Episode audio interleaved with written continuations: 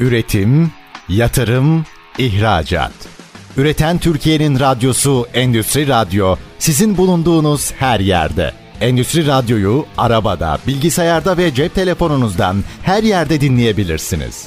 Endüstri Radyo.com Ayşete Yavaş'ın hazırlayıp sunduğu depolama çözümleri programı başlıyor. Sevgili dinleyicilerimiz herkese merhaba. Depolama Çözümleri programında tekrardan sizlerleyiz. Ben Ayşe Yavaş ve bugün stüdyomla Sortcon Teknik Kurucu Ortağı Taner Tezdoğan ile beraberim. Taner Bey bugün sizlerle intralojistik sektörüne ilişkin konuşacağız. Farklı farklı açılardan sektörü ele alıyor olacağız. Sizleri birazcık tanıtmamız gerekirse başta kilit sistemleri olmak üzere güvenlik ekipmanları üretiminde global bir oyuncu konumuna yükselmiş bir Türk şirketinde iş hayatına adım attınız. Ardından telekomünikasyon sektörü, elektrik sektörü, makine sektöründe analiz deniz cihazları üretimi yapan bir firma ve son olarak da çelik üretiminin yanı sıra intralojistik sektörüne faaliyet gösteren bir firmada üst düzey yönetici pozisyonuna yükseldiniz. Şu an bu görevinizin yanı sıra Sortcon'da da kurucu ortak olarak kariyerinize devam ediyorsunuz. Peki yaklaşık 5 senedir intralojistik sektörünün içerisindesiniz. Türkiye'de intralojistik sektörünün dinamiklerine dair, know-how'unuza dair bizlerle neler paylaşmak istersiniz? Ayşet Hanım, öncelikle davetiniz için çok teşekkür ederim. Burada olmaktan çok mutluyum. Siz aslında az çok benim kariyerimi burada açıkladınız bahsettiniz ama ben biraz daha detaylandırmak isterim izninizle. Burada bahsettiğiniz kilit sektöründe çalışan güvenlik ekipmanları firması, telekomünikasyon ve analiz cihazları firmaları aslında farklı sektörlerde gibi gözükse de yerine getirdiğim görev hepsinde bakım, onarım taraflarındaydı. Tabii bu noktalarda ilk görev yaptığım yerde asansör sistemleri üzerine bir teknik destek ekibinde çalışıyordum. İkincisinde baz istasyonları üzerine bir sistemde çalışıyordum. Üçüncüsünde yine makine analizi ve elektronik kartlar üzerine çalışıyordum. Şimdi bu tip firmalarda çalışıp Türkiye geneli sorumluluklar ve geziler yaptıktan sonra firmalarda tanıdığım arkadaşlarım aracılığıyla şu anda üst yönetici olarak devam ettiğim firmadan teklif aldım. Devam etmekte olan projelerin proje yöneticisi arıyorlardı. Beni de buraya davet ettiler. Bu şekilde çalışma hayatımız arkadaşlarımızla başladı. Ama aynı zamanda bu kişilerin bir ürün üretmek, geliştirmek ve ilerlemek gibi hedefleri olduğunu gördük bu süreçte. Ben de bu ekibe dahil oldum. Tabii bu ekipteyken geçmişte çalışmış olduğum bu ufak tefek çünkü geneli teknisyen, tekniker ve mühendislik dönemindeki yaptığım stajlardan ibaret ama görmüş olduğum şeyleri, oradaki asansör sisteminde nasıl bir yapı vardı veya diğer taraftaki makinenin içerisinde mimari nasıl kurulmuştu gibi orada gördüğüm şeyleri alıp aslında interlojik sektöründeki makineleri uygulamaya, farklı bir çözüm üretmeye çalışmaya başladım. Tabii bu süreç ilerlemeye başladıktan sonra biz Sortcon firmasını keşfettik. Bu firma yaklaşık 3 yıl önce ARGE yapmak üzere kurulmuş bir firmaydı. Kendileri endüstriyel sektörlerde çok fazla sistem yapmış ama endüstriyel konveyör üzerine çalışmış bir firmaydı. Bir güç birliği yapalım, sizin know-how'ınızı alalım, bizim ürünlerimizi geliştirip beraber bir oyuncu olarak ortaya çıkalım istediler. Biz de yaklaşık 9 aylık bir süre kadar bu sürece dahil olduk diyelim. Artık onların ürünlerini alıp bizim sahalarda kurulum, devreye alma, bakım süreçlerinde elde ettiğimiz know-how'ımız neyse, bütün karşılaştığımız programlar neyse bunları tartışarak, çözümler üreterek ürünleri geliştirip şu anda satış hazır ve piyasada yavaş yavaş yer edinmeye başladığını görüyoruz ve bunu sağladık. Bunun dışında introlojik sektörüyle ilgili yaklaşık dediğiniz gibi 5 yıldır artık çalışıyorum ve birçok firmayla çalıştım. Bunların arasında dünyada globalde listelediğiniz zaman ilk onda yer alan herhalde 4 ya da 5 firma vardır. Ki evet, zaten bunlar Türkiye'de. sektörü. zaten Türkiye'de proje yapanların hepsi neredeyse bu global oyunculardan. Bunların her birinin tabii Türkiye'ye gelişleri yavaş yavaş büyüyen bir sektör olduğunun ve daha da gelişeceğinin bizim için habercisi. Bunun dışında yine kargo firmaları da yani dağıtım firmaları dünyanın her yerinde olan ve Türkiye'de de aslında partnerliklerle iş yapan firmalar kendileri hub'lar yapmaya başladılar. Büyük tesisler oluşturuyorlar, kapasitelerini arttırmak istiyorlar.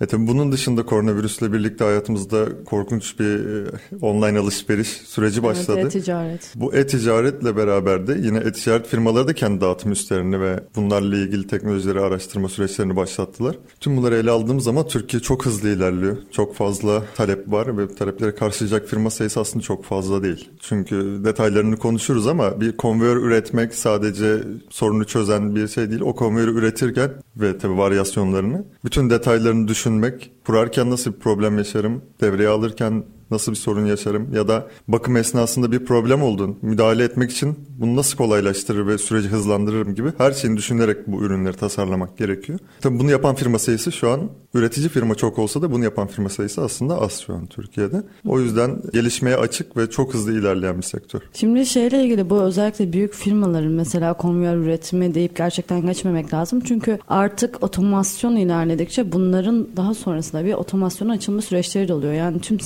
sistemlerle entegre olabilecek bir gelecek vaat edebilmesi lazım. Bunun haricinde de zaten büyük oyuncular dediğimiz şirketler şey arıyorlar yani satış sonrası destekte benimle ne kadar ilgilenebilirler? Bakım onarıma ihtiyacım olduğunda bana ne kadar destek sağlayabilirler? Bu firmanın geçmişteki marka bilinirliği nedir? Kimlere nasıl projeler yapmış? Bu projelerin montanları nelerdir? Gibi çeşitli kısımlar var. Şu noktada size gerçekten katılıyorum. Sistem entegratörlüğü noktasında Türkiye pazarı çok sınırlı. Şimdi sizin bu alanda konumlanmanız aslında şöyle bir bence de bakış açısı doğuruyor diye düşünüyorum. Sistem entegratörü dediğimiz zaman üreticiden ziyade tüm sistemleri bilip bunların en iyi şekilde ortaya konulması, işleyen bir proje ortaya konulması noktasında gerçekten deneyim gerektiren bir alan ve büyüyen bir sektör. Tabii ki sizler gibi şirketlerin açılması da bu sektörün büyümesi açısından çok gelecek vaat ediyor. Şimdi şu noktadan devam edelim. Fabrika ve depo interlojistinin yanı sıra siz hava alanında aslında çok fazla projeye imza atmışsınız geçtiğimiz dönemlerde. Burada biz hava alanlarında bagaj ve malzeme taşıma noktasında aslında daha çok konveyör sistemleri tabii ki kullanılıyor. Interlojistik yine bu aynı zamanda. Peki bu konveyör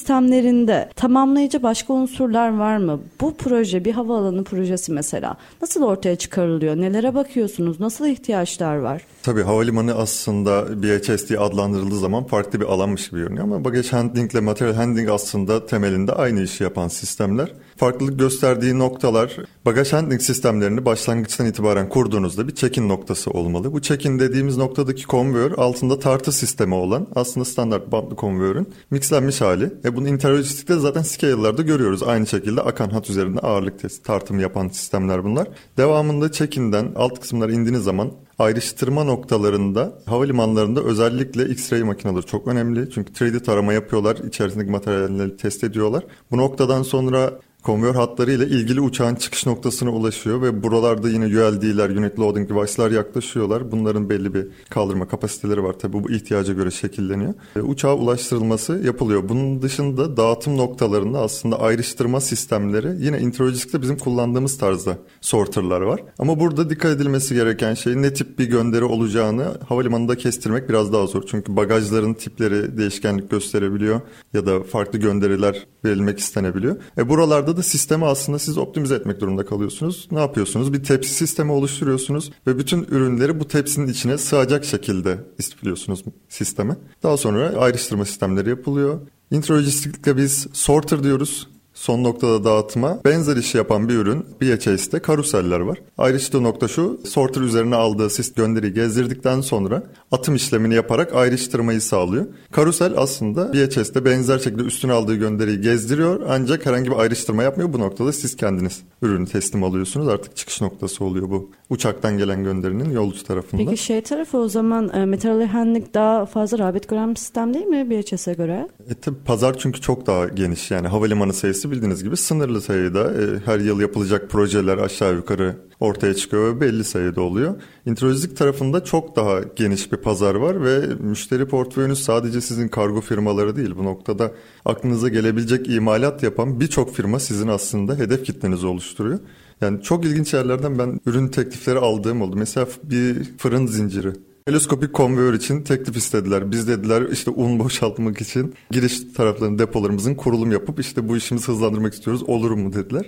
Siz evet. bilirsiniz dedik. Hayata geçti mi peki proje? Yok şu anda görüşme devam ediyor. Yani çok kısa bir süre bildiğiniz hmm. gibi yani 8-9 aydır devam eden süreçler bizde biraz uzun sürüyor projelerin kapanması Evet ama. daha önce bu arada interlistik için böyle bir şey e, talep alındığını daha önce duymamıştım. Peki hani, böyle farklı istekler, talepler var mı iş hayatınızda paylaşabileceğiniz? Aslında en ilginç, ilk aklıma gelen bu. Onun dışında standart e, bildiğiniz gibi ülkemizde de büyük kargo firmaları standart sahaları için dağıtım ürünleri istiyorlar veya yerleştirme noktaları için düz kayan hatlar istiyorlar. Bu şekilde projeler. Peki şimdi şey noktasına geçelim. Bu kargo lojistik sektörü. Çünkü o gerçekten intralojistik dediğimiz zaman çok fazla otomasyon noktasında gelişen bir sektör. Hatta Türkiye'de bununla ilgili bir tane testi ziyaret ettim ben. O testte mesela %100 otomasyon sistemlerine geçiş yapıldı ve zaten hani dünya çapında artık ana anahtar kelimemiz bizim hız olduğu için kargo ve lojistik direkt zaten bunun odak alanına girdiği için burada otomasyon düzeyleri birazcık daha önlerde seyrediyor diğer taraflara göre. Şimdi buralarda e, yaptığınız projelerde ASRS sistemleri üzerine veya material handling sistemleri üzerine kilit noktalar nelerdi? Size nasıl taleplerle geldiler? Hangi sektörler için nasıl projeler yaptınız? Birazcık daha hani proje noktasında ilerleyebilir miyiz? Tabii.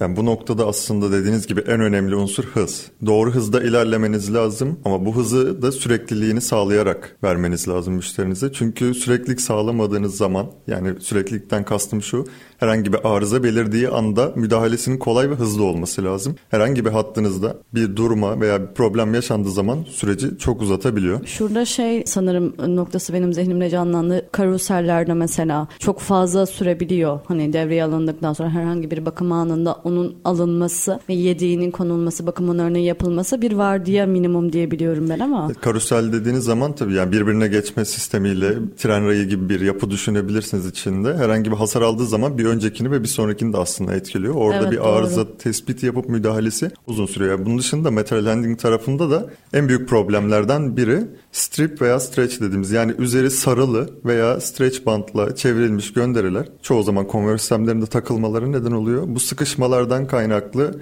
e, konveyörleriniz arıza düşebiliyor. Bandınızı bazıları yırtabiliyor veya hattın olmayacak bir yerinde takılıp kalabiliyor. Oraya bir çalışanın gidip alıp sistemi tekrar devreye alması gerekebiliyor. Bu gibi durumları öngörerek bunlara çözüm üreterek sistemleştirmemiz gerekiyor. En dikkat etmemiz gereken noktalardan biri bu. O şey noktasında sorunu söyledik ama çözümü nasıl peki? Yani bu streçin takılmasını engelleyecek bir konveyör sistemi nasıl oluyor? Nasıl planlıyorsunuz? Bununla ilgili birkaç yöntem var. En yaygın yöntem aslında tepsi sistemi. Yani hatta yüklemeyi yaparken eğer sorter'a yollayacaksanız ve böyle bir gönderinin riskli olduğunu görüyorsanız yükleme noktasındaki arkadaşınız onu bir tepsinin içerisine koyup o şekilde hatta yönlendiriyor. Ama bunun dışında da birleşim noktalarında yapabileceğiniz iyileştirmeler var. Mesela biz iki konveyörün birleşim noktasında özel bir roller sistemimiz ve çok ufak boyutlarda rollerlarla dolum yapıyoruz. Orada herhangi bir boşluk oluşmadığı için akış sürekli devam ediyor. Çünkü standart bir finger protection dediğimiz metal var. Bununla kaplama yaptığınız zaman bu metalin arasına bir şey girdiğinde orada solid bir yapı olduğu için sıkışıp problem yaratabiliyor. Ama orada akışı sağladığınız zaman sıkışmaların önüne geçebiliyorsunuz. Şey geldi aklıma bu yapay zekalı destek sistemleri var yapay görme teknolojileri. Aslında o yapay görme teknolojileri mesela bu tarz durmaları önceden öngörebiliyor. Mesela herhangi bir noktada bir tıkanma olacaksa önceden bunu görüyor sisteme bildirim veriyor ve sonrasında o akışta bir problem oluşmadan direkt engellenmesi sağlanıyor gibi bir durum var aslında.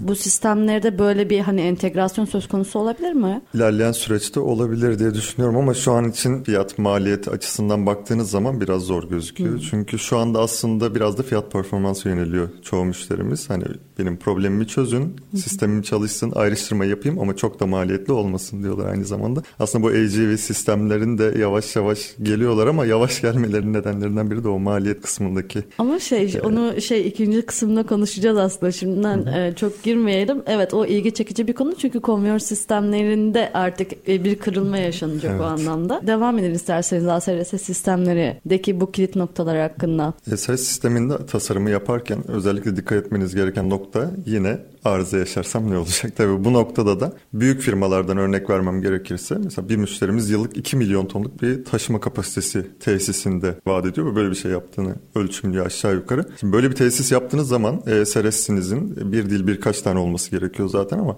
ana unsurunun çalışan sistemin hiçbir şekilde durmaması gerekiyor. E tabii burada robotlar e, koridorlara ayırıyorsunuz, kapasitenizi hesaplıyorsunuz. 4-5 koridor gibi ve büyük crane'ler kullanmanız gerekiyor. 25-30 metrelik crane'ler böyle dağıtımları yapıyorlar raflara. Ama bir tanesi arızalanırsa ne olacak? Bu ihtimali düşünerek sürekli çalışmak gerekiyor. E biz böyle durumlarda ne yapıyoruz? Bir hatta iki ya da üç crane ekliyoruz. 2 ya da 3 crane geldiği zaman yani taşıyıcı robot koyduğunuz zaman herhangi bir arızalandığında bunu manuel olarak direkt bakım alanına çekerek kalan iki tanesiyle hatların çalışmasını devam ettirebiliyorsunuz. Tabii output biraz düşüyor ama sistemin akışı durmamış oluyor bu noktada. Onun dışında diğer sistemlerde bölünmeye gidilebiliyor. Yani siz bir ESRS sistemi kurarken bunu direkt bir koridor ve bir robotla yapmak durumunda değilsiniz. E, alınız el verdiğince ve tavan yüksekliği de el verdiğince katlar ve bölümler çıkarak büyük bir matris oluşturabilirsiniz. Örnek vermek gerekirse 4 kat 4 bölümlü bir ESRS tasarladığınız zaman 16 bölümlük bir ESRS'te 16 tane robotla dağıtım yapıyorsunuz raflara ve herhangi bir arıza olduğunda sadece bir koridoru siz orada bypass ederek diğer koridorları devam ettirip yaklaşık %90 küsürleri de hatta aktif tutarak kalan bir koridordaki işlerinizi hızlıca çözmeye çalışabiliyorsunuz. Burada önemli nokta ESRS'te sistemi tek bir makineye bağlı kılmamak çeşitlendirip bölümlendirmek. Ve Chase tarafında da aynı şekilde yine sistem tasarımı yaparken çoğu firmada ben bu hatayı görüyorum. Alan dar anlayabiliyorum tasarlamak zor mimari biraz zor ama katlar çıkılabilir. Evet. Alanı daha efektif kullanmak için. Bu katlar çıkılmadan var olan alanda bir çalışma yapılmaya çalıştığında herhangi bir bypass hattı eklenemiyor. Bypass hattı eklenemediği takdirde en ufak bir kör konveyörde problem yaşarsanız ya da herhangi bir band konveyörünüz bandı yırtılırsa var olduğu bütün hattı durduruyor. Bu da sizin ortalama bir tesis olduğunuzu düşünürsek 4-5 hatlı bir sistemde %20-25'lik kayıp demek sizin için tip noktalara dikkat ederek tasarlamanız gerekiyor. Anlıyorum tabii bunlar e, ciddi bir proje birikimi sonrasında edinilen kilit noktalar diyelim. Şimdi kısa bir araya gitmemiz gerekiyor. Kısa bir aranın ardından özellikle sizin önemli bir şirkete yaptığınız bir proje vardı. Birazcık onun hakkında konuşacağız. Sevgili dinleyicilerimiz kısa bir araya gitmek durumundayız. Kısa bir aranın ardından Sortcon Teknik Kurucu Ordu Taner Tezdoğan ile beraber olacağız tekrar. Üretim, yatırım, ihracat. Üreten Türkiye'nin radyosu Endüstri Radyo sizin bulunduğunuz her yerde. Endüstri Radyo'yu arabada, bilgisayarda ve cep telefonunuzdan her yerde dinleyebilirsiniz. Endüstri Radyo.com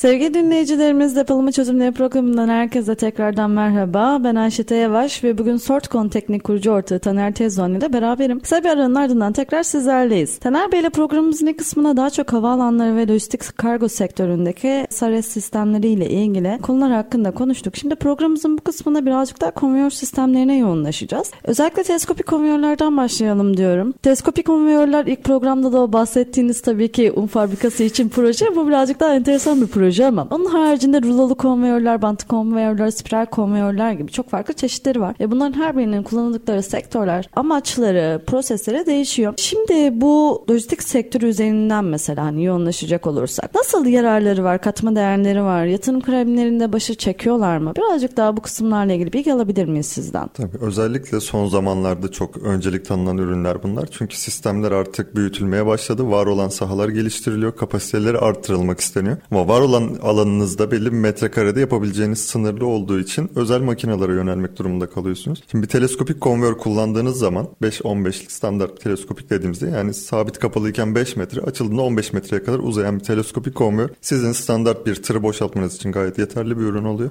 Ve bir tırın içerisine girip kutuyu bırakıp geri çıkmanız belli bir süre. Ya da tam tersi boşaltım yaparken boşaltmaya başladıkça tırın ucuna doğru ilerleyerek ileridekini alıp geri gelmeniz belli bir süre. Bunu aşağı yukarı oranlamak gerekirse bir tırı 1 saat bir sürede boşaltacakken 10 dakikalara kadar bu süreyi çekebiliyorsunuz. Belki daha kısa. Çünkü sürekli akan bir hat var arkanızda bir tanesini alıp koymanız gerekiyor. E bu noktada çoğu firma operasyonel maliyetlerini kısmak, süreci hızlandırmak ve alanı daha efektif kullanmak için bu az önce saydığınız ürünlere yöneliyor. Özellikle teleskopik konveyöre. Teleskopik konveyörde tabii birçok çeşit var. Yani teleskopik konveyör dediğimiz zaman sadece tır yükleme boşaltma noktasında bakmıyoruz. Bunların çeşitlerine baktığınız zaman ön tarafı inip kalkabilen ayarlı tipleri var ya da manlift dediğimiz operatörün üstüne binerek ürüne uzanıp geri gelebileceği tipleri var ya da katlar arası direkt aktarım yapabilen tipleri var. Veya ufak boyutlu sizin uçaktan veya tırdan aldığınız gönderilerinizi kastırdek dediğimiz tekerlekli yapılar üzerinde özel taşıyıcı üyeldilerle ulaştırıp elle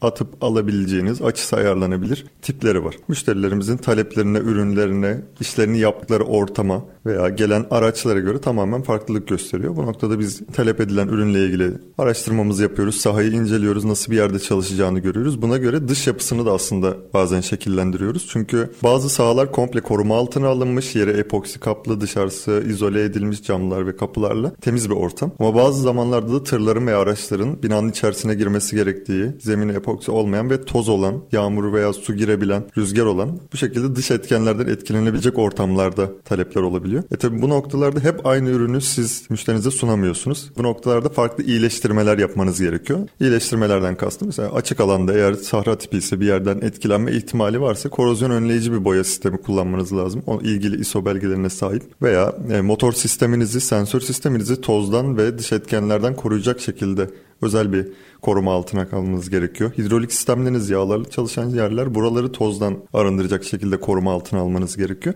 Bu noktada bir ürünü çalışacağınız firmalara önerirken dış etkenler, kendi talepleri, neler yapmak istiyor, ne taşımak istiyor ve nereden gelen nasıl bir ürünü ayrıştırmak istiyor. Yani tırdan mı gelen bir ürünü ayrıştırmak istiyor, kamyondan mı yoksa elle ayrıştıracağı bir şey mi? Hepsini dinleyerek, bunları analiz ederek ürünü öneriyoruz. Peki şey noktasında bu dediniz ya şimdi özelleştirmemiz gerekiyor diye. Şimdi bu konveyör sistemi mesela işte teleskopik konveyörden yola çıktık. Genel hatlarıyla bir proje var, bir ürün var veya bu ürünü mü sunuyorsunuz yoksa hani bu terzi usulü kavramı çok kullanılır interlojistikte öyle mi oluyor sizde de? Tailor made tabii ki yani her firma gibi biz de sunuyoruz. Müşterimiz geldiği zaman bizden özel bir talepte bulunuyorsa ona bu mümkün değil deme şansımız yok. Mühendislik her şey mümkün. Üzerine çalışıp öneride bulunabiliyoruz ama standart ürünler var tabii ki.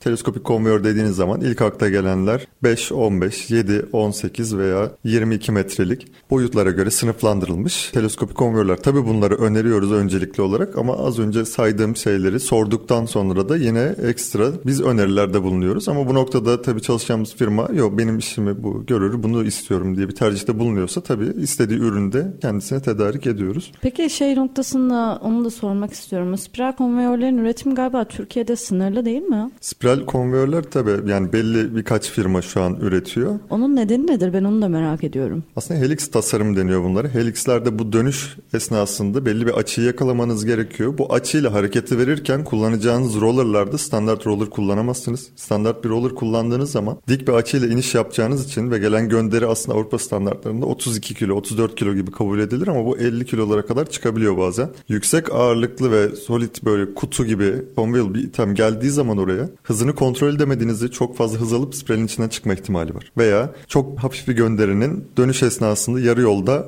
tıkanıp kalması ihtimali var. Veya tamamen doğru bir gönderi ama üzeri streç kaplandığı için bir noktaya yapışıp kalma ihtimali var. Sıkışıp kalma ihtimali. Yani bir sürü ihtimal var. Bunların hepsini göz ederek özel rollerlar kullanarak doğru açıyı hesap ederek yani iyi bir mühendislik kullanarak bu ürünlere yönelmeniz gerekiyor. O yüzden yapılması çok kolay ürünler olmadığı için çok az üretici var. Peki şeyi de sormak istiyorum şimdi. Benim gittiğim yine bayağı işte Türkiye'nin önünde gelen en eski lojistik firmalarından bir tanesinin yeni ticaret deposunu ben bir ziyarete gitmiştim orada. Şey kullanılıyordu. Spiral konveyör kullanılıyordu. E tabii ki onların birazcık daha hafif hani tonajlı ürünler ama bu şey noktasında yani hangi noktada mesela operasyonda o şey mal malzeme akışının hangi noktasında nasıl ihtiyaç varsa bu spiral konveyör tercih ediyor? Şöyle kullanacağınız alanda eğer kapasite artımına gitmek istiyorsanız katlar yapmayı tercih edebilirsiniz. 10 bin metrekarelik bir sahanız olduğunu varsayalım. 10 bin metrekarede kuracağınız bir sistemin kapasitesi aşağı yukarı 20 bin kutu kadar olacaktır.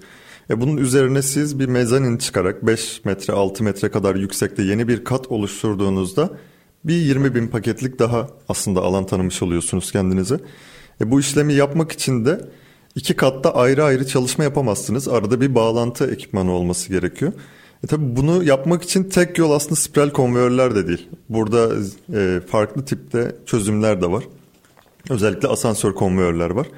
Sürekli bir akış içinde continuous movement sağlayan e, band tipi olanlar, roller tip olanlar yine gönderiye göre siz e, müşterimizin tercihine göre değişilen ürünlerle de aslında bu süreklilik sağlanıp katlar arası geçişler yapılabiliyor. Ama çoğunlukla operasyon sahanız katlı bir yapıda ve ürünlerin bir kısmının üst katlarda işlem görüp daha sonra farklı bir noktaya iletilmesi gerekiyor. E bu noktada siz aslında spiral shoot da kullanabilirsiniz direkt kayma işlemini vermek için ama daha güvene almak aslında biraz daha kontrol altında tutarak iletimini sağlamak istediğinizde spiral konveyörleri yöneliyorsunuz. Anlıyorum. Bu çünkü şey benim çok fazla rast geldiğim bir alan değil. Onu da merak ettim, öğrenmek istedim. Şimdi bu şey tarafına baktığımızda bantlı konveyörler ve rulolu konveyörler. Bunların hangi projelerde kullanıldığı ile ilgili biraz bilgi verebilir misiniz? Hangi sektörlerde ağırlıklı neden tercih ediliyorlar? Tabii yani çoğunlukla yine tabii lojistik sektöründe 3PL'de çok fazla kullanılıyor ama bunun dışında kullanıldığı yerler gıda sektöründe kullanılıyor. Tabii bu gıda sektöründe bu mimarileri kurarken tamamen paslanmaz çelikten yapmanız gerekiyor. Özel regülasyonlar giriyor işin içine. Özel belgeler almanız gerekiyor. Farklı standartlar şey, üretmeniz regülasyon gerekiyor. sıkı mı konveyör üretimi noktasında? Aslında almanız gereken bir iş güvenliği ile ilgili aslında EN standartınız var, CE'niz var. Bunun dışında birkaç tane yurt dışında yine önemli görülen sertifikalar var. Çok sıkı bir süreç değil ama dikkat edilmesi gereken çünkü iş güvenliği tarafında çok önem arz ediyor. O noktada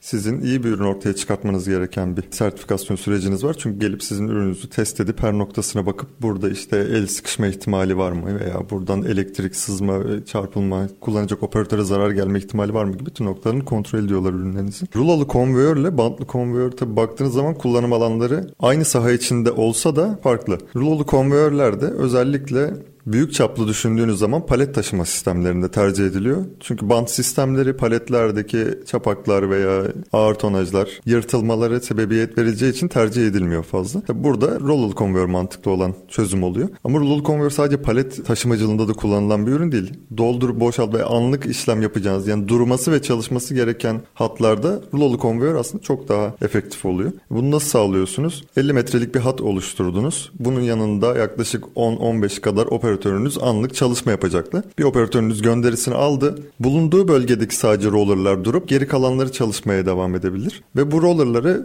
belli gruplar halinde durum motorlarla kontrol ederek daha rahat bir mimariyle daha düşük maliyetlerle müşterinize sağlayabilirsiniz. Aynı işlemi tabii ki de band konveyörle de yapabilirsiniz ama bu noktalarda anlık çalışmalar daha ufak alanlarda kontrol sağlayabilmek gibi ekstra özelliklerden dolayı roller konveyörlere yöneliliyor. Buna örnek olarak mesela neyi verebilirim size? Gümrüklü alanlar. Bir gönderi MHS sistemin üstüne bindikten sonra eğer uluslararası bir sahadaysa yurt dışına çıkacaksa veya yurt dışından geliyorsa X-ray makinalarından geçtikten sonra sorter'ın üzerine binerek veya sorter'a binip X-ray'de bir loop yapıp tekrar sorter'a gelerek hatta dağıtılacağı noktaya ilerler. Ama bu noktalarda bazen 3D taramalarda X-ray makineleri farklı cisimler görebiliyor. Patlayıcı olabilir veya yasa dışı bir madde olabilir. Bu noktalarda bunları inceleme noktalarına yönlendiriyor. Mesela bu inceleme noktalarında genelde biz roller conveyor kullanıyoruz. Neden? Çünkü adım adım sensörlerle kutunun hareketini takip edip istediğimiz noktalarda durup ama sadece o noktada durup geri kalanında devam işlemini yaparak işlemi bölümlendirip hattı birkaç farklı kişiyle aynı anda kullanılabilir hale getiriyoruz. Buraları tercih ediliyor. Dediğim gibi palet tiplerini tercih ediliyor. Ama şey zaten bahsettiğiniz üzere birden fazla avantajı varmış bant sistemlere kıyasla.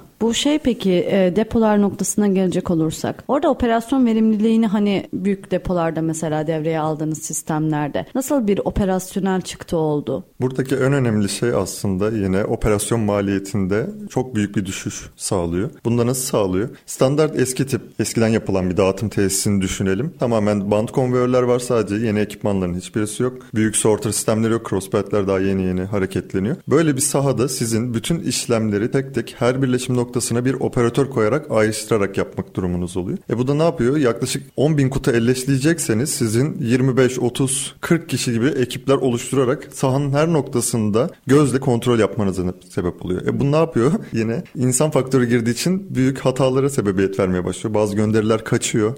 Yanlış yerlere gidiyor. Bazıları ayrıştırılamadığı için elle alınıp bir yerlere koyulmak durumunda kalıyor. Bu gibi tesislerde ne yapılıyor şu anda? E, Swiftler dediğimiz makineler var. Yani ayrıştırıcılar 3-4 ayrı noktaya atım yapabilen veya pop-up dediğimiz anlık 90 derecelik sağ ve sol ayrıştırım yapabilen sistemler kullanılıyor. Ve bu sistemlerle siz operasyonunuzu hızlandırıyorsunuz, giderlerinizi azaltıyorsunuz, hata oranınızı ciddi oranda düşürüyorsunuz, insan faktörünü aradan çıkartıyorsunuz. Burada da iş kazalarının önüne geçiyorsunuz. Şey gibi depoda sanki insan faktörü kavramı çok geçti ya. Yani evet. depoda ama otomasyon çok işe yarıyor ama artık gerçekten. karanlık fabrikalara doğru yöneliyoruz ya aslında. O şeyle ilgili karanlık depolarla ilgili Türkiye'de de bu arada var çalışma. Yani Türkiye'de bile o noktada projeler var ki zaten dünyada Japonya gibi yerlerde falan da çok fazla var. Şimdi az bir zamanımız kaldı. Kritik bir soru var. Programın üçüncü kısmının ilk bölümünü onunla başlatalım. Sevgili dinleyicilerimiz kısa bir araya gidiyoruz şimdi. Bugün Sortcon Teknik Kurucu Ortağı Taner Tezdoğan ile beraberiz. Kısa bir aranın ardından tekrar sizlerle olacağız. Bizden ayrılmayın. Üretim, yatırım, ihracat.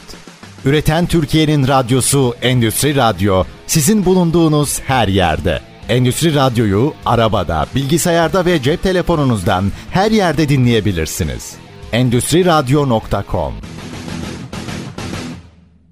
Sevgili dinleyicilerimiz Depolama Çözümleri programından herkese bir kez daha merhaba. Kısa bir araya gitmiştik ve tekrar sizlerleyiz. Bugün stüdyomuzda Sortcon Teknik kurucu ortağı Taner Tezdoğan ile beraberim. Taner Bey ile ikinci bölümümüzde daha çok konveyör sistemleri üzerine konuştuk ve şu kritik soruyla şimdi programımıza devam ediyoruz. Konveyör ile taşıma sistemlerine alternatif olarak yeni otonom mobil robotlar piyasada yerlerini almaya başladı. Siz bu gelişimi nasıl değerlendiriyorsunuz? Türkiye'de de bunu üreten firmalar yani yerli üreticiler ben görmeye başladım. Arkadaşlarımdan duyuyorum, inceliyorum. Yani bence çok büyük bir pazar ve gelecek vaat ediyor. Önümüzdeki 10 yıl içerisinde ben aslında çoğu sistemi yerini alacağını da düşünüyorum bu sistemlerin. Ama standart aslında bu geleneksel yapıdan kolay uzaklaşılabileceğine de çok inanmıyorum açıkçası. AGV'lerin kullanılacağı noktalar var. Çok basit bir örnek vermek gerekirse hattınızda araçların geçmesi gereken noktalar olabiliyor bazen. Bir sistem tasarlıyorsunuz. Kocaman bir saha 100 metrelik bir konveyör hattınız var ama aradan geçilmesi gerek. E bu noktada siz bir köprü sistemi işte yukarı çık in yapmak yerine ortaya bir AGV hattı kurduğunuz zaman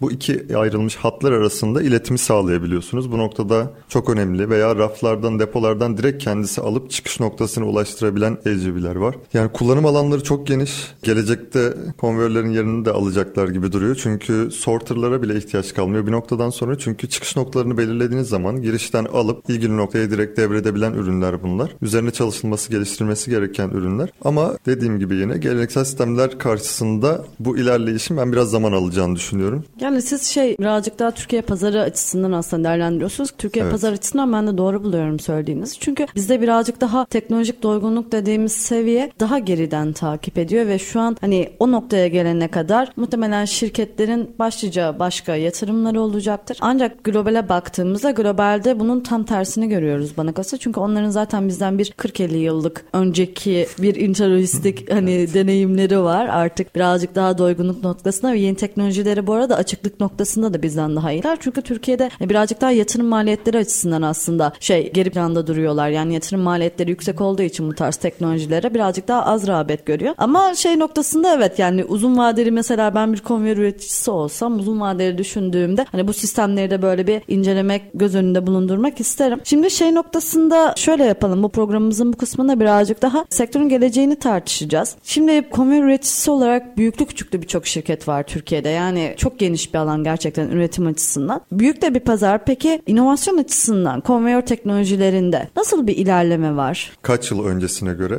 yani benim takip ettiğim projelere göre çok farklılıklar oluşmaya başladı. Tabii ki öncelikle sahalarda çok fazla ürün bir arada kullanılmaya başladı. Eskiden bir konveyör sisteminde standart bir konveyör birkaç tane curve, merge veya işte bir pop-up ya da sweeper'la ayrıştırmanızı yapıp hat oluşturuyordunuz. Şimdi bu sistemlerin içine çok sayıda robotik depolama ekipmanları geldi. EGV'ler geldi, VNA'ler geldi. Bunun dışında asansör ekipmanları geldi. Farklı şut tipleri geldi. Bazı firmalar bu crossbelt sorterlarında mesela flyer ve conveyable'ları bir arada atımını yapabilecek, ayrıştırabilecek şekilde hareket eder hale geldi. Yani sürekli bir gelişme ve ilerleme var. Biz de bunu takip etmeye çalışıyoruz tabii ki ama az önce dediğim konudaki gibi bazı şeyler hep alışılageldik devam ediyor. Tabii inovasyona yöneliyoruz, bir şeyler yapmak istiyoruz ama bunu yaparken hep var olan ürün üzerinden bir şeyler yapmaya çalışıyoruz. AGV'ler bu noktada da önemli çünkü var olan ürünle yan yapısını değiştireyim, motoru ornalayayım buraya koyayım değil de bambaşka bir çözüm sunuyor. E mesela ben bu noktada Çin'de biliyorsunuz maglev trenleri var. Özellikle manyetik alanın üzerinde hareket ediyorlar sürtünmesiz ortamda. Yani bu taşıyıcı sistemi bir manyetik alan üzerinde tabii bunun insan sağlığı ilgili detaylarını tartışmak, çalışmak lazım. Bu da çok basit bir fikir ama bu tarz yeni sistemleri yurt dışında kullanılmaya başlanmış, sürtünmesi az, daha az ses üreten, daha fazla hız üreten ve aynı zamanda takılmalardan kaçınabileceğiniz, burada yaşayacağınız sizin durmalar veya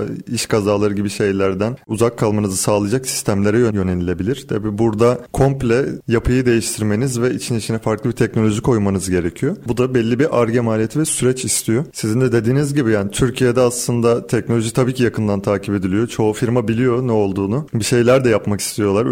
Üretenler de var ama son noktaya geldiğiniz zaman sizin fiyat performans olarak da belli bir noktada kalmanız gerekiyor. Üretebileceğiniz veya üzerine çalıştığınız şeyleri arge maliyetlerini de göz önüne alarak ve sürekli değişen bir kurda malzeme maliyetlerini de göz önüne olarak fiyatlandırdığınız zaman aslında birazcık talep dışında kalıyor gibi oluyorsunuz ve tekrar standart ürünlere yönelim başlıyor. Ya şu noktada şimdi e, zihnime canlanan iki tane soru var aslında. Bunlardan bir tanesi son dönem içerisinde şu mesela son 5 yıl içerisinde konveyörde güncel bir gelişme oldu mu? Yeni bir teknoloji oldu mu? Bir bunun cevabını merak ediyorum. Bir de şöyle bir şey. Türkiye'den çıkan bir konveyör üreticisinin şu an mesela Türkiye'de benim bir tane var bildiğim. Yine global değil ama büyük firmalara proje yapan. Avrupa pazarı gibi pazarlarda rekabet edebilmesi için bir konveyör üreticisinin bu tabii ki dünyadaki diğer sizden daha ilerideki ülkelerin ürünleriyle aslında rekabet edip edemeyeceğinizi de belirleyen bir şey. Bu rekabet noktasında nelere ihtiyaç var Türk üreticilerin? Bu iki soruya bir cevap alabilir miyim? Buradaki en önemli nokta benim bakış açımda after sales süreçleri. Hı. Satış sonrası sizin yurt dışında sattığınız insanları yalnız bırakmıyor olmanız Doğru. gerekiyor. Yurt dışındaki büyük firmalar size baktıkları zaman fiyat performansı görüyorlar. Evet evet ben bunu Avusturyalı veya Almanyalı bir firmadan ya Hollandalı bir firmadan satın alırsam size vereceğimin iki katı fiyat ödeyeceğim. Ama bir problem yaşadığım zaman da muhatap bulabileceğim. Biz buradan bir satış yaptığımız zaman İtalya'ya, Fransa'ya veya Amerika'ya e buralarda tamam bizim de teknik destek ağımız var Avrupa genelinde. Bir müdahalede bulunabiliyoruz ama karşı taraftaki global oyuncular 140-150 ülkede operasyonel varlık sağladıkları için daha ön planda kalıyorlar. E bunun dışında bizim ekiplerimizi Avrupa'da özellikle bir yerlere yollamak istediğimiz zaman Schengen gibi bir engelimiz var iş vizeleri almamız çok zor. Bu da bizi birazcık geri plana itiyor. Ya burada bizim özellikle kullanabileceğimiz kozumuz aslında en başta dediğim gibi fiyat performans. Biz kaliteli ürün üretiyoruz. Teknolojimizin Avrupa'daki herhangi bir üründen aşağı kalır bir yanı yok. Aynı ürünle aynı teknolojiyi sağlayabiliyoruz. Fiyat olarak daha aşağıdayız. Bu noktada bizim özellikle yapmamız gereken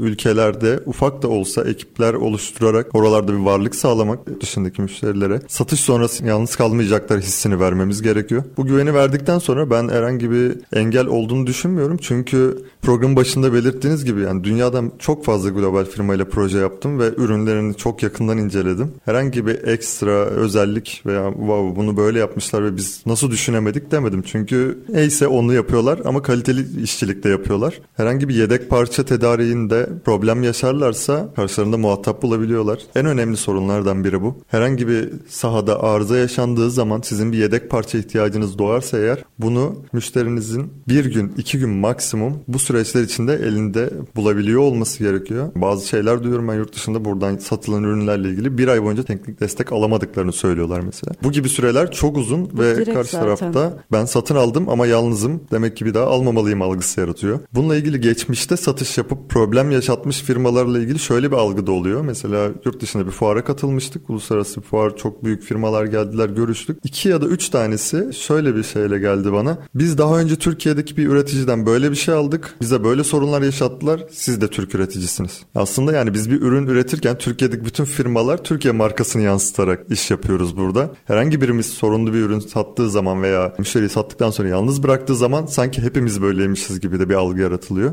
Bütün ülkelerin belli başlı ünvanları var diyelim. Almanya'da zaman mühendis diyorlar mesela. O ülkelerin de artılarıyla kendilerinin ön planları çıkardı. Biz daha teknolojiyiz, daha iyiyiz, oyuz, buyuz. Büyük büyük laflar var ama arka planda baktığın zaman aslında bizden bir farkları yok. Bizim ürünlerimiz de Türkiye'deki bütün üreticilerin ürünleri. Ben bu Türkiye'deki üreticilerin sahalarında da bulundum. Onların ürünlerini de gördüm. Yani bizim onlardan aşağı herhangi bir ürünümüz yok. Hepimizin yaptığı sistemler gayet çalışıyor. Müşteriyi memnun ediyor. Sadece yurt dışındaki bizim teknik destek ağımızın zayıflığı ve bu firmaların bize ulaşmak istedikleri zaman bizim bürokratik engellerden dolayı aslında yani bu vizeler gibi ya da çalışma izinleriyle ilgili ulaşamayışımız veya bunun biraz zaman alıyor olması, ek vergiler, yurt dışına bir şey yollamaya çalıştığınız zaman bunlar gibi problemler önümüze çıkıyor ve bunlar aslında sorun yaratıp bizim globalleşmemizin önünü çıkıyor biraz da. Anlıyorum. Bu konuyla ilgili şöyle bir şey var. Mesela Türkiye'de gerçekten yani kaç yılındaydı şu an hatırlamıyorum. 2007 yılında olması lazım. Türk bir lojistik firması dünyada 128 tane VLM'i aynı anda alan tek firmaymış yani otomatik depolama sistemleri alanında. O zaman için devrim gibi bir şey ve bu şirketten bahsedeceğim. Şu an bu şirketin yurt dışından mesela işte bir konveyöre ihtiyacı olmuş. Ama yurt dışındaki bir şirketle anlaşma yapıyorlar ve sizin o bahsettiğin satış sonrası destek süreci var ya artık onların tolere edebilecekleri bir süre değil ve işlerin aksamasına neden oluyor. Mesela bu şirket şu an kendi işte konveyörünü üretmeye başladı. Gibi çeşitli şeyler var. Satış sonrası destek bu açıdan gerçekten çok değerli. Bir diğer ikincisi de bu şey algısıyla ilgili gerçekten Türk şirketini temsil etmek, Türk üretici algısıyla ilgili bir şey söylemek istiyorum. Bu şeyle ilgili mesela ihracat noktasında benim işte bir dış ticaret istihbarat uzmanı ile bir sohbetimiz esnasında bana şeyden bahsetti. İşte mesela bir tekstil ürünü Türkiye'de üretiliyor halbuki ve ihracat yapmak isteyen şirketler buluyorlar hedef pazarlarını belirliyorlar işte ve o pazara gittikleri zaman ya yeniden bir Türkiye'yi tanıtma, Türk üreticiyi tanıtma gibi çalışma yürütüyor ya da sizin bahsettiğiniz gibi ikinci şıkta daha öncesindeki olumsuz deneyimleri ve ön yargıları kırmak üzerine bir marketing çalışması yürütülmesi gerekiyor. Ve hatta bu şirketlerden mesela Türkiye'de üretici, tekstil üreticisi İtalya var. İtalya Türkiye'den alıyor malı ama o bahsettiğimiz mesela X ülkesi Türkiye'den almak yerine İtalya'dan alıyor ürünü. Çünkü onun sonraki kalitede yani diyor ki ben birinci kalitede aldım ilk siparişimi. ikinci, üç, dört ve bu devam etti. Kalitede bir sarsılma olmadı. Ben dolayısıyla bir güven duygusu besliyorlar. Böyle hani bazı konular olabiliyor ihracat noktasında gerçekten değerli ve kritik noktalar diye düşünüyorum. Peki bu size ilk sorduğum soru vardı ya bu konveyörler noktasında mesela dünyada son dönemde bir inovasyon gerçekleşti mi? Farklı bir teknoloji geliştirildi mi? Aslına bakarsan son yıllarda var olan ürünler az önce dediğim gibi yeni bir ürün çıkartmaksa eğer yeni bir çözüm üretmekse evet AGV'ler tarzı hareketler bu çözümlerden biri. Ama standart konveyör sistemlerinde sadece güvenlik ekipmanları biraz artırıldı. Sensör sistemleri biraz daha güçlendi. Induction dediğimiz konveyör tipleri var. Induction'lar biraz daha efektif hale geldi. Ekstra adımlar eklendi. Tabi burada siz bir sorter sistemi kullandığınız zaman bunu dolduran konveyör sistemleriniz olmalı. Konveyör sistemlerinde induction dediklerimiz işte genişlik, yükseklik ölçümleri yapıp uzunluk ölçümü yapıp arkasındaki tartısıyla ağırlık ölçümü yapıp doğru değerler içerisindeyse sorter atım yapıyor. Tabi bu tarz konveyörlerde ilerlemeler oldu. Tartılar daha az hata payıyla ölçerek sonuç veriyor oldu. Ufak tefek iyileştirmeler tabii ki gelişmeler her zaman oluyor ama baktığınız zaman standart üründen çok da uzaklaşmadık. Çünkü bizim Türkiye'deki müşterilerimiz sahalarında bazen destek istiyorlar. Var olan sisteminiz üzerine şunları ekleyip büyütüp farklı noktalarına fotoseller ekleyip biraz daha otomatize edebilir misiniz diyorlar bize. Gittiğimiz zaman görüyoruz. Yani 10-15 yıl önce aldıkları sistemler konveyör yine konveyör aşağı yukarı. Sadece dediğim gibi güvenlik ekipmanları şu an farklı. Kasa yapısı farklı. Eskiden biraz daha aslında kara düzen kurulumlar yapılıyormuş. İşte konveyörlerin bazıları tekerlekli falan bazıları boru profilden yapılmış bir şeyler. E buralarda bizim şimdi yeni üretimlerde yeni tüm firmaların yaptığı konveyörlerde özel hassas ayar noktaları var. İşte milimetrik ayarlar yapılıyor. Milimetrik hatlar kuruluyor. Yeni fotoseller kuruluyor. Bağlantı noktalarında ek iş güvenliği önlemleri alınıyor gibi iyileştirmeler yapılıyor ama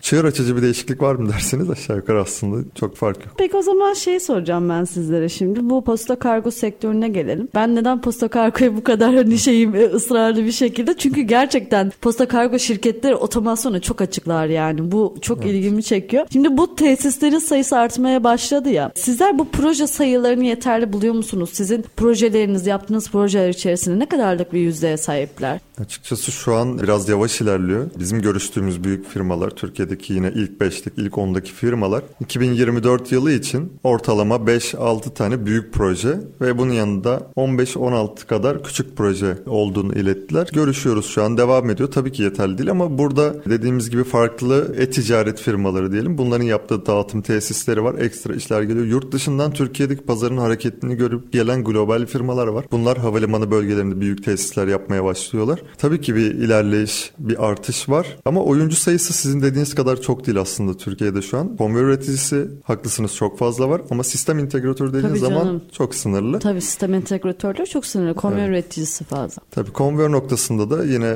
başa dönmek gerekirse konveyörü sadece üretip ve bu çalışıyor demek yeterli olmuyor. Kurulum esnasını devreye almasını ve bakımda nasıl problem çıkaracağını öngörerek buna göre bir sistem üretmek gerekiyor. Çünkü biz bu noktada aslında müşteri tarafında da bir süre bulunmuş firmayız bakımdan dolayı. Müşteri tarafındayken bunları görebiliyorsunuz. Üretici tarafındayken aslında kağıt üzerinde veya 3D çizimlerde, testlerde her şey güzel gözüküyor ama müşteri tarafına geçtiğiniz zaman bir streçli gönderi konveyöre sıkışıp hatta durdurup yaklaşık 15-20 dakika o bant değişimi yırtılmalardan kaynaklı sisteminiz durdurduğunda ve birkaç yüz kutu oradan geçmediği zaman bu kargo lojistik firmalar için birkaç yüz tane mutsuz müşteri demek ürün geç kaldığı için. noktada bu firmaların sizden beklentisi genelde %99.9'un üzerinde başarı oranı oluyor. Ama inceleme yaptığınız zaman 40 bin parsel dağıtan bir sahada %99.9 başarı sağlasanız bile yüzlerce hatalı ürün geçmiş ve yüzlerce mutsuz müşteri üretmişsiniz demek oluyor bu firmalar için. Çok dikkat edilmesi gerekiyor. Üzerinde çalışılarak ürünler ortaya çıkartılması gerekiyor. Bu ürünleri de biz tabii ki de bahsettiğiniz firmalara öneriyoruz, tartışıyoruz. Yeni yatırımları yapmayı planlıyorlar, konuşuyoruz. Ama biraz yavaş ilerliyor diyebilirim. Ekonomik şartlardan dolayı sürekli değişken bir kuru var bildiğiniz gibi. İyileşmeleri görüyoruz ama biraz daha zaman alacak gibi duruyor. Programımız maalesef sonuna geldik. Güzel ve keyifli bir program oldu. Birçok konuyu farklı açılardan konuştuk. Bunun olarak eklemek istediğiniz bir şeyler varsa kapanışa gidelim. Yani davetiniz için çok teşekkür ederim. Benim için de çok keyifli bir sohbet oldu. Keşke daha uzun olsaydı. Daha da Başka bir programda görüşmek üzere diyelim o zaman. Sevgili dinleyicilerimiz, umarım sizler de keyifli bir şekilde bizleri dinlemişsinizdir. Başka bir programda daha sizlerle görüşmek üzere. Hoşçakalın.